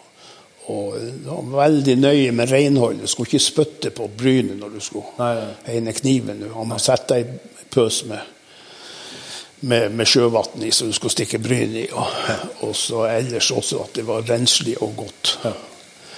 Så eh, men eh, på selfangsten, det var det mye Ja, det var mye Mye blodhunder, ja. og, det er ikke noe, det er ikke noe behov for noe Jeg vet jo sjøl etter noe, noe seljaktig at uh, hvis du får, uh, får, noe på fingrene eller på klærne, sånn, du blir ikke kvitt den uh, lukta og den her Nei, det spekket, det, det, det, det tærer opp til slutt. Ja. Så du kan stikke fingeren i gjennom klærne. Ja. Det, ja, det er, sterke, det er sterke greier. Ja, det, det, det er som er syra. Ja. Og når du får eh, spekk i pelsen, sånn som på isbjørn når de fangsta på Svalbard, mm. så eh, Når de gjorde det rent nede der, da, så måtte de få ut spekket. Altså, at det ikke oksiderte ja. når det tar luft. For da blir det gult, og så skader det. Ja. For isbjørnen den har eh, dekkhår, lange dekkhår, og så har den ullpels inne med skinnet. Mm. Ja. Og den ullpelsen han forsvinner som regel om sommeren. Og så kommer han igjen da når det blir kaldt om høsten. Ja. Men de brukte vannstoffhyperoksid på, på skinnene og hengte dem ut i sola så de bleika seg og ble så fine. Ja. Hannbjørnene er hvitest og finest, og hobjørnene er mer gule. Ja. Jeg noterte meg et par navn fra boka di.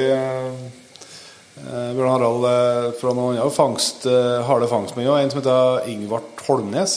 Ja. Det var en eller bra skjøtter? Ja, det var en god skjøtter. Ja.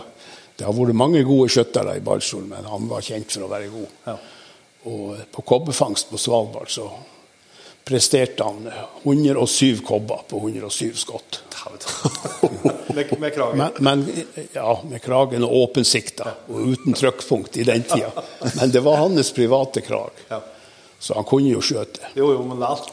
Ja, og jeg husker jo på gamle dager da det krøp jo opp sånn steinkobbe på steinene og utfor skjærene der han bodde. Vi sykla jo utover og henta han og skulle ha han til å skjøte kobbe til oss.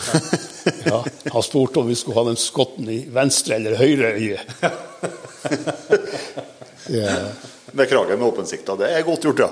ja, ja det, det, var flere gode skjøttere der. Men han var spesielt god. Det fortalte han gamle Lars Jacobsen. Han var mange turer med han Lars. Han var med de Jacobsen. En annen en som jeg noterte meg, en Erling Enoksen. Ja, han overvintra på fangst eller? Han eh, overvintra på fangst ja, om vinteren, og så arbeidet han i gruveanleggene om sommeren. Ja. I, i, I, daganlegget. Ja. Ikke inn i gruva. Nei. Han var friluftsmann, han måtte få være ute. Puste fritt uti da. Ja, han hadde mye fortellinger. Han skulle ha røkket flere ganger på de der ja. turene sine, da, men han hadde emner til å overleve. Ja. Jeg har jo skrevet litt i boka om det. Ja.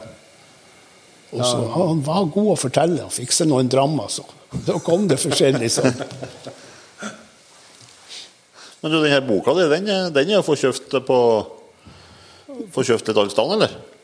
Nei, den er for kjøpt ned på Ishavsmuseet på Brandal. Ja. Og så er det noen forlag som har henta inn så de har solgt litt. Men jeg tror det begynner å bli lite igjen av ja. ja, vi kjøpte i hvert fall fra Ishavsmuseet. Ja, det var opplag på 300. Ja. Og til jul så tror jeg det var bare 40 igjen. Ja.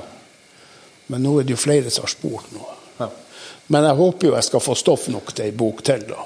Jeg snakker nå med gamle fangstfolk, ja. og litt forskjellig gammelt. Vi er jo av gammel slekt i Balsfjorden, så jeg har skrevet om litt gamle hus og gamle folk der. Og... Ja, Litt lokalhistorie? Ja, lokalt, ja. Men du, du stemte jo isbjørn. Eh, vet jo du har noen isbjørner på samvittigheten? Ja, jeg var jo på Svalbard i noen år. Så, og da var det jo fri jakt. Vi fikk jo scootere, så vi kjørte jo til østsida og jakta. Men eh, jeg vet ikke. Isbjørn er en stor, fin kar, da, men eh, det er et lettvint bytte. Ja. Det, det, er vel det dårligste viltet jeg har skutt isbjørn. De kommer som regel til det. Ja. Det blir helst selvforsvar. Ja. Vi hadde en gang, jeg og en kar fra Bjerkvik, han eh, Harry Pedersen, han, han omkom forresten på Grønland, ganske ung. Vi var på mange fine turer til Storfjorden på østsida. Og da var det råk en gang, midt i fjorden. Aha. Og det løsna is oppi, for strømmen gikk der da. Og det, der var det isbjørn som vandra for å se om det kom kobbe. Også. Så det var ei fin jakt. Ja. Der fikk vi en fire-fem stykker. Ja, ja én sprang nå på land, så vi fikk det, men vi fikk fire uti der. Det var fin jakt. Der fikk vi nå en bjørn på taket òg. Oh. På hytta der i Agarbukta. Det ble dårlig vær. Aha så laga vi oss mat inni det og tok oss litt akevitt. Vi la oss til å sove. Det ble et forferdelig rammel oppå taket. Det er jo ikke det uværet der, det var pinadø en bjørn. Men, men, det var jo vanlig altså, i den tida og, hvis vi hadde skutt kobbe og, og snadd og sånt, ta, skjære av et skinnlørve med spekk på og hive inn i, i åmen så ble det jo god lukt. Og gikk trekkende utover isen, så lukta jo bjørn. Og da kom han jo etter lukta. Så, så, vi hadde jo heavy åmen, der, så vi hadde lokka han på oss. Men eh, nå ryker pinadø taket, sier han Harry. Ja, men da, vi må bare skjøte opp, da. men eh, han hoppa ned igjen. For det hadde fucket sånn roning rundt hytta, slik at det var bare knapt en meter ifra skavlen å hoppe opp på taket. Men så eh, hadde det jo fucket igjen døra òg, så vi kom oss ikke skikkelig ut der. Da. Men eh, da var han og skulle på en scooter. Han var kjente på salen på han. Men han eh, fikk eh, slett opp døra såpass mye at han kom seg ut. Men han sleit anorakkhetta seg. Det satte seg fast da han fikk skotta. Ja. Men det har vært eh, uhøvelig hvis han hadde kommet gjennom taket. Ja, det, det, det, det, er ikke mye snø på Svalbard, så det var dårlige dimensjoner i tak. Ja. Bjelkene på hytten. Hvor, hvor, hva er levendesvekta på, på, en uh, normal størrelse på isbjørn? Nei, Jeg vet ikke. 500-700 kilo. Det er noen store. Jeg har hørt en gang at de fikk en der oppe på uh, på Hopen. Den skulle være 3 meter og 35 lang. Det er mye bjørn. Ja, det, det, jo De målte jo da fra nose to tail, ja. og så begge forlammene ut. Ja. Så du har ikke lov å strekke den mer. Det skal være samme. Da har du målet. på ja. Så, Men jeg har nå skutt oppimot 3 meter. 2,75 iallfall, vet jeg. Ja. Av de der jeg fikk, da. Men, men du sa sjølforsvar. Hadde noen som ble veldig nærgående, som du måtte ta? Nei, de kom jo vandrende, og så ja. gjorde de seg liksom rund og en sirkel. Også, men vi skulle jo ha dem, så, ja. så det var det vi jakta på. Så vi skjøt dem jo for de kom så nært. Og det var jo den der som var på taket, som var litt, litt for mye nærgående. Ja. for det er klart at De har jo ikke noen fiender sånn sett, isbjørn, så de er jo ikke redd sikkert på samme måten som med en elg eller et rådyr. De er jo redd og vil komme seg unna. Nei, men når han kommer for nært at det blir en indre sirkel, sånn er det jo med alle dyr, ja. så føler de seg trua. Ja. Så de eh, gjør liksom en observasjon og runder litt rundt der før de går nærmere. Ja. Så de er usikre da. Ja, sånn, sånn, ser det ut. Men det vil jeg òg si at det er ingen som oppfører seg likt av isbjørn. Nei. For hver gang det har vært tatt folk på Svalbard av isbjørn, så, så, så kommer det kloke karer og sånn og sånn og sånn. og sånn. Det, det er ikke noe oppskrift på hvordan han oppfører seg. Det er individ? Det er helt individuelt, ja. Det, det, de er uberegnelige. Ja. Men, eh, men, dere skjøt alle med, med, med gevær? Ja. ja. Det var ikke, ikke noe sjølskudd og sånn? Nei, vi hadde et selvskudd, ja. men eh, vi hadde setta det for høyt. Så han hadde gått på det på baksida, og så hadde det trykt seg av sjøl. Ja. Så han hadde hoppa derifra. Jeg tror det var en fire-syv meter. Han hadde hoppa lengden lengde nedover bakken der. Og kula, det var ei sånn eh, avsaga hagl vi hadde. Det var sånn slurts. Den hadde rulla nedover den tjukke skaren der på andre sida. Så han fikk seg da et sjokk, den. Ble skremt, ja. Du snakka jo litt om eh, at dette ikke er helt ufarlig. Det har jo vært en del flis eh, på, på Vesterisen. Eh, det var noe- spesielt som skjedde i, i 1952. Ja, det var jo det katastrofeåret, som de sier. Da. Ja. Da gikk det jo 78 mann. Ja. Fem skuter. Hva var det som var så spesielt eh, det året? Nei, det var kanskje dårlige værmeldinger. Dårlig varsla uvær, for å si det sånn. da. Og, så kom jo de der lavtrykkene, og da er det jo uberegnelig. Så det er jo mange som har uttalt seg om det, navigatører og skjøttere som har mye bedre greier på det enn jeg, da. Men uh, jeg har jo skrevet om en som var der. Han blir 90 år nå i mai. Så var det da. Men han sa jo det at uh, Han forsto jo at det var alvorlig, men det var jo første turen hans, så han forsto ikke riktig helt hvor, Hvor det? vanskelig det kunne være. Nei. Men uh, de eh, holdt jo på og gikk. De gikk ut lasta og skulle gå hjem, men det var for hård sjø. Uværet var kommet, så jeg måtte snu og gå inn i isen igjen. Ja. Og der gikk de vel inn fem døgn, trodde han det var. Så. Og holdt seg unna storisen da, for å berge seg. Når det la seg da uværet, så gikk de hjem i med en annen båt. Men da, dere forlisene, var det at det ble så mye bølger og så mye Eller, eller var det isen som ødela båtene? Nei, det er spilt inn mange sånne videosnutter på det der. Jeg har dem òg hjemme, som andre har uttalt seg om det der òg. Men eh, det, noen av dem hadde vel last inn og var jo tung og hadde små maskiner, så de klarte ikke. Så de ble sårbare. Og så var det grov is der òg. Ja. Det, det er ikke sånn vinterfrossen is i Vesterisen. Nei. Det er lite av den sorten. Den er litt lenger nord og østom Jan Mayen. Men den som kommer ned i framstrett fra Polbassenget, den er jo tre-fire år gammel is, og den er jo grov. Ja. Så det er jo med de treskutene ikke så godt å berge seg. Nei, nei, da blir det tøft. Men det er mange som har snakka om det der, som er godt inne på det, og hadde mange turer før det. da. Halvdan Jacobsen, og hvis det var værmelding som han ikke likte, så la han østover med en gang. Ja. Han hadde 33 turer i Vesterisen. Ja. Men har du vært har du, på alle turene dine har, du, har det vært noe sånn skikkelig dramatikk hos deg? Så, så du, har, du har vært altså, redd, eller? Mm, Jeg tror jeg har den egenskapen at jeg blir ikke redd. Nei. Uansett hva det er. Det jeg blir redd er når det er falske og dårlige folk. Ja. Svinn og sånt. Det, det må jeg si det er jeg blitt mer og mer våken for. Man har opplevd forskjellig i livet. Men du, du føler det? Men altså det som er i naturen, og det som man kan beherske sjøl og, og gjøre sine beslutninger på, det, det, det klarer jeg å Men jeg vil jo tro at du har sett litt skikkelig uvær. Å ja, å ja, ja, ja. ja. Bare det der i 81 som jeg har filma. Ja.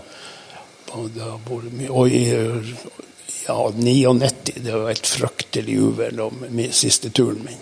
Ja. Vi slo jo to svære hold jo, Ja. i baugen, og så ett på låringen bak. Ja. Og det var i den grove isen som vi måtte ut av. Hva dere gjør da når dere får eh, hull i, hull i bøgen? nå? Nei, det er ikke noe å gjøre. Nei. Det, vi gikk jo inn med det. det ja, vi hadde jo noen elektroder som vi kunne sveise under vann, men det var jo fra innersida. Ja. Det var noe bakom tavla, så, så fordelingen på strømmen, der kom det noen innsjøer. Ja. Og skuta slingla jo, så det spruta jo litt, og avtok og spruta. Men vi tok noen presenninger og kjørte bakom, slik at det ikke gikk rett i tavla. da. Ja. Men eh, det, det var, de hadde jobba på vervet, begge de to guttene jeg hadde med meg i maskinen. Svære karer, de så det ikke ulikt. De begynte å sveise på det. der. De kilte først med tre kiler. Ja, Vi skal, nå har vi jo vært i mye arktiske strøk, skal jeg si, eh, Bjørn Harald. Men du er jo en, eh, en ivrig jeger som ser jo veldig ivrig på elgjakt. Og du har ikke eh, Du har jakta elg i både Canada og Alaska. ja. Er det folk du har blitt kjent med gjennom uh, båtlivet som har tatt deg dit, eller har du vært på egen hånd? Ja, til Alaska for jeg første gangen sammen med en som jeg ble kjent med i 76, på Polarstart i Newfoundland. Vi for til en uh, Han var født i Dakota, flystaten. Ja. Men han var uh, etterkommer etter folk fra Norge. Mora og faren var norsk. Ja. Og han var, hadde høyeste utdannelse innen eh, luftvaffen i Amerika. Ja. Så han hadde vært en gang i Europa, sa han, og det var siste krigsåret. Da var han 29 år. Da var han i fly over Europa. Så eh, det var amerikanske Air Force. Og han, etter krigen så fikk han to jaktområder oppe i Alaska. Så vi var i det inne der da. Der, der hadde vi mange fine turer, men det var jo skikkelige dollarkarer han hadde med seg, så vi klarte ikke å konkurrere med dem. Men vi var liksom gjestene hans som norsker. Så han tok oss inn imellom der da. Så jeg fikk med meg en kar da. Og han fløy oss opp til et veldig fint område. Og han hadde sett mye elg der òg tidligere, for jeg skulle ha tak i en stor okse. Og eh, det var ei elv som gikk der. Og hun var lita, for det var jo i september. Og det, vi landa på eh, sandstranda på den sida som skogen var drevet bort. da. Og Det var vel en 300-400 meter ned til en foss, og der gikk det jo en eh, ja, 6-7-8-10-12 bjørner og, og fiska og åt grizzly. Ja, sånn det var ur, ja, ulikt tall, da, for de var på land og åt inn i riset der og kom ut igjen. så, eh, og, og vi klatra jo opp der på Mæl en plass det var høvelig, ellers var det for bratt. Og så setta vi teltet opp på kanten der, og der var det game trail. Der hadde jo gått selvfølgelig både elg og bjørn og all vilt, så det var som ei gate. Ja. Så vi satte i nærheten av den og telte. Og så våka vi jo på elgen da vi så på dem. Og eh, han var jo med flyet over og så. Men eh, det er ikke lov å jakte den dagen du satt ut med flyet. Men han var jo og så det også. Ja. Og han karen som jeg hadde med meg der, han sa det at det er jo ikke trygt for bjørn der. Det ser du jo sjøl der nede, så vi kan få besøk om natta her. Men han visste meg bare revolveren. Og får vi noe på teltduken her, så er han jo nødt til å skjøte ut. Så du må ikke få panikk, du må ikke røyse deg, du må flate helt ut. Ellers så kan jeg skjøte deg i mørket, Anders. og, og, første natta var ingenting, og det var, jeg tror det gikk bra andre natta òg. Men eh, så jeg hadde glemt det der. Og dæven her på nattmorgenen, da. Jeg hadde vært så vidt eh, våken for jeg skulle ut og slå lens, men eh, jeg lå nå bare halvdorma. Her begynner det å krafse utfor i kokekarene og, og snusa. Og, og jeg eh, var litt borti duken òg. Så jeg rafsa jo borti han han sov. Og han opp, kan du skjønne. Men jeg lå han bare av. Men det stilna av det der. Og det lysna jo da. Og vi gikk ut. Det var pinadø en bjørn som hadde gått forbi der. Ja. Men han var jo selvfølgelig fulletten av laks i all den fiskinga. Ja.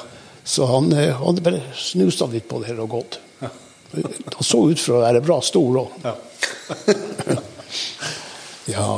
det var nå den historien. Men eh, så vokta vi jo på det her. Det var jo syv, åtte, ni kyr og kviger oppi en liten dal der. Ja. Det, det, var jo en stor dal elva rant i, men så var det sånne sidedaler som gikk 90% til sides. da. Og der var en stor okse. En skikkelig stor okse, og en mindre. Og eh, han hadde nok sett det, at det var en stor okse der. Det var derfor han plasserte oss der. Og, men vi, det, det, så vi på hver dag. Vi var mye nattaktiv. Ja. Men han la seg om morgenen. Ja. Og du vet, la han seg inn i tjukkeste skogen, så var det ikke bare å få det til. Så, men jeg tror det var fjerde eller femte dagen. Vi gikk litt opp på høydene der og så på han og fulgte med. Og eh, fjerde eller femte dagen Vi var en gang oppe og snudde, ja, og så gikk ned uten å få has på han. Men så gikk vi opp da. Og da hadde vi bestemt oss for vi skulle være i Vika, knapp Vika. Og da, da, lå han der. Men det gikk jo ikke an å komme seg til han der inni. Men eh, så laga han til hvor jeg skulle stå hen. Så skulle han prøve å klappe i nevene og bråke og få han opp. Så, og det klarte han. Å få han på føttene. Ja. Men han la ikke på sprang. Men han sto og lurte en stund der. Han ble så høy da at jeg klarte å skjøte han i nakken. Ja. Så da ramla han ned. Jeg har jo bilde av det. Så det var den eh, elgen som jeg hadde utstilla der på gjestehuset i Balsfjorden i mange mange år. Mye folk som har sett den. Og da de gikk konkurs og henta den, så har jeg hatt den utstilla her i Trøndelag òg, på forskjellige stand og villmarksmesser. Og, ja, også en kompis i Buvika som er jaktleder der, i garasjen. Alaska, du har vært der òg? Tre ganger. Tre ganger. Ja. Ja, Canada. Dere har første tur til Alaska du forteller om nå? Ja. ja. ja. Nei, okay. Canada, det er Newfoundland. Der har jeg vært. Ja. ja. Og der har jeg jo vært på selfangst òg. Men jeg har vært mye og besøkt slekt i Canada. Vi har stor slekt. Ja. Det, I Canada og Amerika, Nord-Amerika, og Alaska. Ja. Så eh, jeg har besøkt dem. Du er ivrig på elgjakta på hjemmebane her òg? I Norge? Ja, nå har jeg trappa ned. Jeg har jakta 30 år elg i Balsfjorden. Ja. Og så har jeg jo jakta her siden jeg kom hit. Det er vel noen og tyve år jeg har jakta i lag med Arne Ressem i Buvika. Storjeger. Ja. Han er fra Malm. Han har jakta der oppe før da tidligere. Så, da begynte jo tidligere der, da, ja. elgjakta. Så flytta han til, til Buvika. Der. Han arva en eiendom. Han har iallfall skutt 150 elger. Ja. Han blir 83 år nå, 21. oktober. Ja. Men han har sagt til dem i fem år nå får dere overta det her jaktlederrollen. så eh, det er ikke godt å finne folk som har tid til det, da. Men meget dyktig kar. Ja. Det var der hadde elkrona ut stilla ja. lenge. da. Så, vi snakka litt før, du har jakta en del i Sverige. elg i Sverige òg? Ja. 34 år har jeg ja. jakta elg og bjørn. Har du blitt noen storokser på deg, eller? Jeg har skutt en 18-tagger. Og den er på museet i Balsfjord, der jeg er fra. Ja. Og der er det nemst største Alaska ja. geviret også har skutt. Ja. Vi må få høre om den største fra Alaska. Og 36 punkter på den. Og 29 kilo. Det var den største det året. Og det Bonnen Crockets eh, eh, skala, så var det ca. nummer 20. Det kan jo hende skutt noen som er større etter ja. det, da. Så det var en skikkelig kar, men han var ravmager. Ja. Og dæven, han var høy framme på hogen. Ja. Så det var en, en regna med han var en 12-14 år, sa de. Ja. De sa det greia på det. Da, da. Var det på lok lokkjakt, eller var det sånn kikkertjakt? Ja? Nei, ja, det var jo brunst. Ja. Det var jo kommet i gang, så de er jo mye forstyrra da. Ja. Det var i samme område som den første du skjøt, eller var det en annen plass? Nei, det er forskjellige plasser jeg har skutt på. Ja. Da hadde det jaktområdet. Så jeg spurte da etterpå når vi kom ned, hva han heter den lille dalen der som vi skjøt oksen. Ja. Eh, ja, den hadde ikke noe navn da, men eh, hun kalte det for kona til han eh, norsk-amerikaneren. Kalte det for Bjorn Valli. For han kan ikke si Bjarne, det sier Bjorn. Det kom vel aldri på noe kart, da, men eh, det ble noe heitere så lenge så de var der og jakta. da. Det høres ut som jeg må ta seg en tur til Balsfjord og se på noe Elg, Fin elgevir, ja. Ja, jeg har veldig mye der på museet i Balsfjord. Ja. Jeg har ei narvaltann ja. som jeg fikk hos eskimoene på Vestgrønland. Eller jeg kjøpte henne jo. Ja. Og så har jeg jo hvalrosstenner med kran i, og så en masse masse fangstutstyr som jeg leverte dem. Ja. Men det er tungt å få til sånt som er offentlig. Ja. Det skal bevilges penger og ansatte folk, og det, det går ikke så fort. Og, Men eh, nå er de nå på glid, så det kommer i gang der. Men eh, Balsfjorden ligger, ligger, det mellom Bardufoss og Tromsø? det? Ja. ja. Du har vært i militæret der oppe? Ja. Hvor du var hen? I Bardufoss. Oh, ja. På Rustad. Flystasjon? Nei, på, oh, ja. på kjørte tungtransport. Ja. Mm. Nei, det er midt imellom. Det er den fjorden som går fra Tromsø og inn i landet. Ja. Det er en uh, spesiell fjord. Terskelfjord. Ja. Spesielle fiskearter i den. Sild og lodda. Ja. Og torsk var det noe før, da. Spesiell.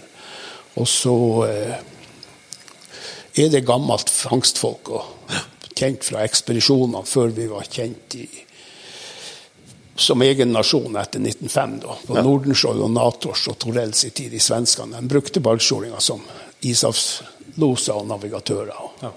Så det er jo også et opphav til det store miljøet som det har vært da, ja. med fangst. og is også. Jeg ser på klokka at vi har allerede holdt deg snart en halvtime over den tida vi lova vi ikke skulle gjøre, så vi skal begynne å runde av. Bjørn Harald, så du får fortsette dagen din som du har tenkt. Men kunne ikke vi ha fått hørt historien om denne 18-takeren fra Sverige? Ja, det satt jeg på post. Ja. Og han passerte flere poster. Det var to i lag, men han skjelte lag med den andre. Mm -hmm. Så jeg hadde ikke trodd han skulle komme dit som jeg satt. Det heter Nils Persa, det passet der. Ja. Så det er ei lita gleppa over myra. Der, og han stoppa, men inn i skogen. Jeg så bare hornene. Det var en stor okse. Og de sa òg, de andre karene, at det var en stor okse. Ja. Men så går han fram og skal ta gå over den glippa. Skjøt han rett i stikkerhold her i brystet. Ja. Så han gjorde jo retur, og så ble han liggende og spenne. Ja. Da ropte de jo på walk-in alle opp. Fikk du han? For han stor, hadde mange tagger. ja. Men den var ganske ung. Det var ikke et sånn gammel okse. Nei. Men det, det var et uh, viltrikt område, det der. Og, uh, det var mange sånne gode emner som har blitt store, som ja. var skotten tidlig, for tidlig da. Ja. Så i vestenden av Jämtland der er godt med elg. Mm. Og det er jo ikke så langt ifra grensen der til sørlig og nordlig. Nei. Og de elgene oppe i fjelltraktene der, da, de går jo som regel De sier at mesteparten går til Sverige ja. på vinterbeite. Ja. Og så går det noe, noen til Norge. Ja. Og eh, det var jo sånn tidligere at de kom allerede i oktober. Snøen kom tidlig da. Men så ble jo snøen senere og mindre rad, og så ble det senere og senere trekk. Og så kom han jo da i desember. Og, da begynte han å gå på plantefeltene, så det ble jo ei plage. Så vi jakta jo utover hele høsten før i tida. da. Nå har vi jo jakta bare i september det siste.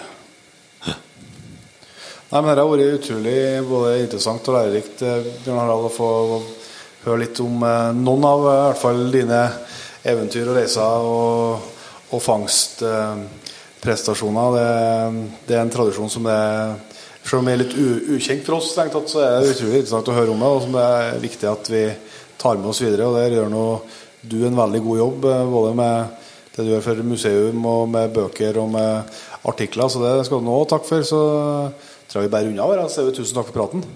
Ja, sjøl takk. Det var artig at jeg fikk tømme meg litt for stoff. ja. Det var altså Bjarne Harald Brobakk. Det er en, eh, en kar med ei artig historie og glimt i øyet, og eh, ikke minst da, et, både et jeger- og yrkesliv som eh, både i dag og men også bak seg, som er, er, Det blir litt historisk artig å få litt innblikk i den verden der, i hvert fall for to sånne landkrabber som oss, Inge, som blir sjøsjuke bare vi krysser litt skikkelig back, så er jo, er jo det her selfangsten og ishavet litt, litt fjernt. Ja, det er, det er to ytterpunkter som, som, er, som er forholdsvis langt ut på hver sin side. Yes. Så det håper vi at eh, du som har vært med oss helt i stad, syns det var artig å høre litt eh, mer om. Vi skal begynne å runde av ukens episode, vi, men vi skal selvsagt få lov til å ønske de nyankomne inn i P3-laget hjertelig velkommen før vi går helt ut. Så vi starter på toppen og sier tusen hjertelig takk til Helge Johansen. Knut Moseid. Lars Kristian Høydahl. Kari Helene. Martin Nesset. Håvard Johnsen. Kristin Sveen. Øyvind. Eh, Jørgen Svensberget. Tom Selvåg. Daniel Berntsen Ellingsen. Halvard Melum. Vebjørn Lund Nybø. Og Marius N. Olsen. Tusen hjertelig takk til alle dere, og selvsagt til alle sammen som er med og utgjør i P3-laget. Det er plass til flere, så hvis du hører på og ikke er med og har lyst til det, så er det bare å klikke seg inn via lenka i beskrivelsen. Så eh, får du både tilgang til alt innhold og rabatter og mm, ekstra gode priser i nettbutikken og alt som, eh, som hører med. Mm. Så jeg vi bærer unna, og så skal du få skittjakt i, utover, utover, helgen. Og så får vi gjøre opp status før en ny episode kommer ut neste uke. Det får vi gjøre. Der blir det, det elgjakt i tre dager, og så får vi se hvordan det går. Yes. Da sier vi så bruker vi det til neste gang. Vi høres.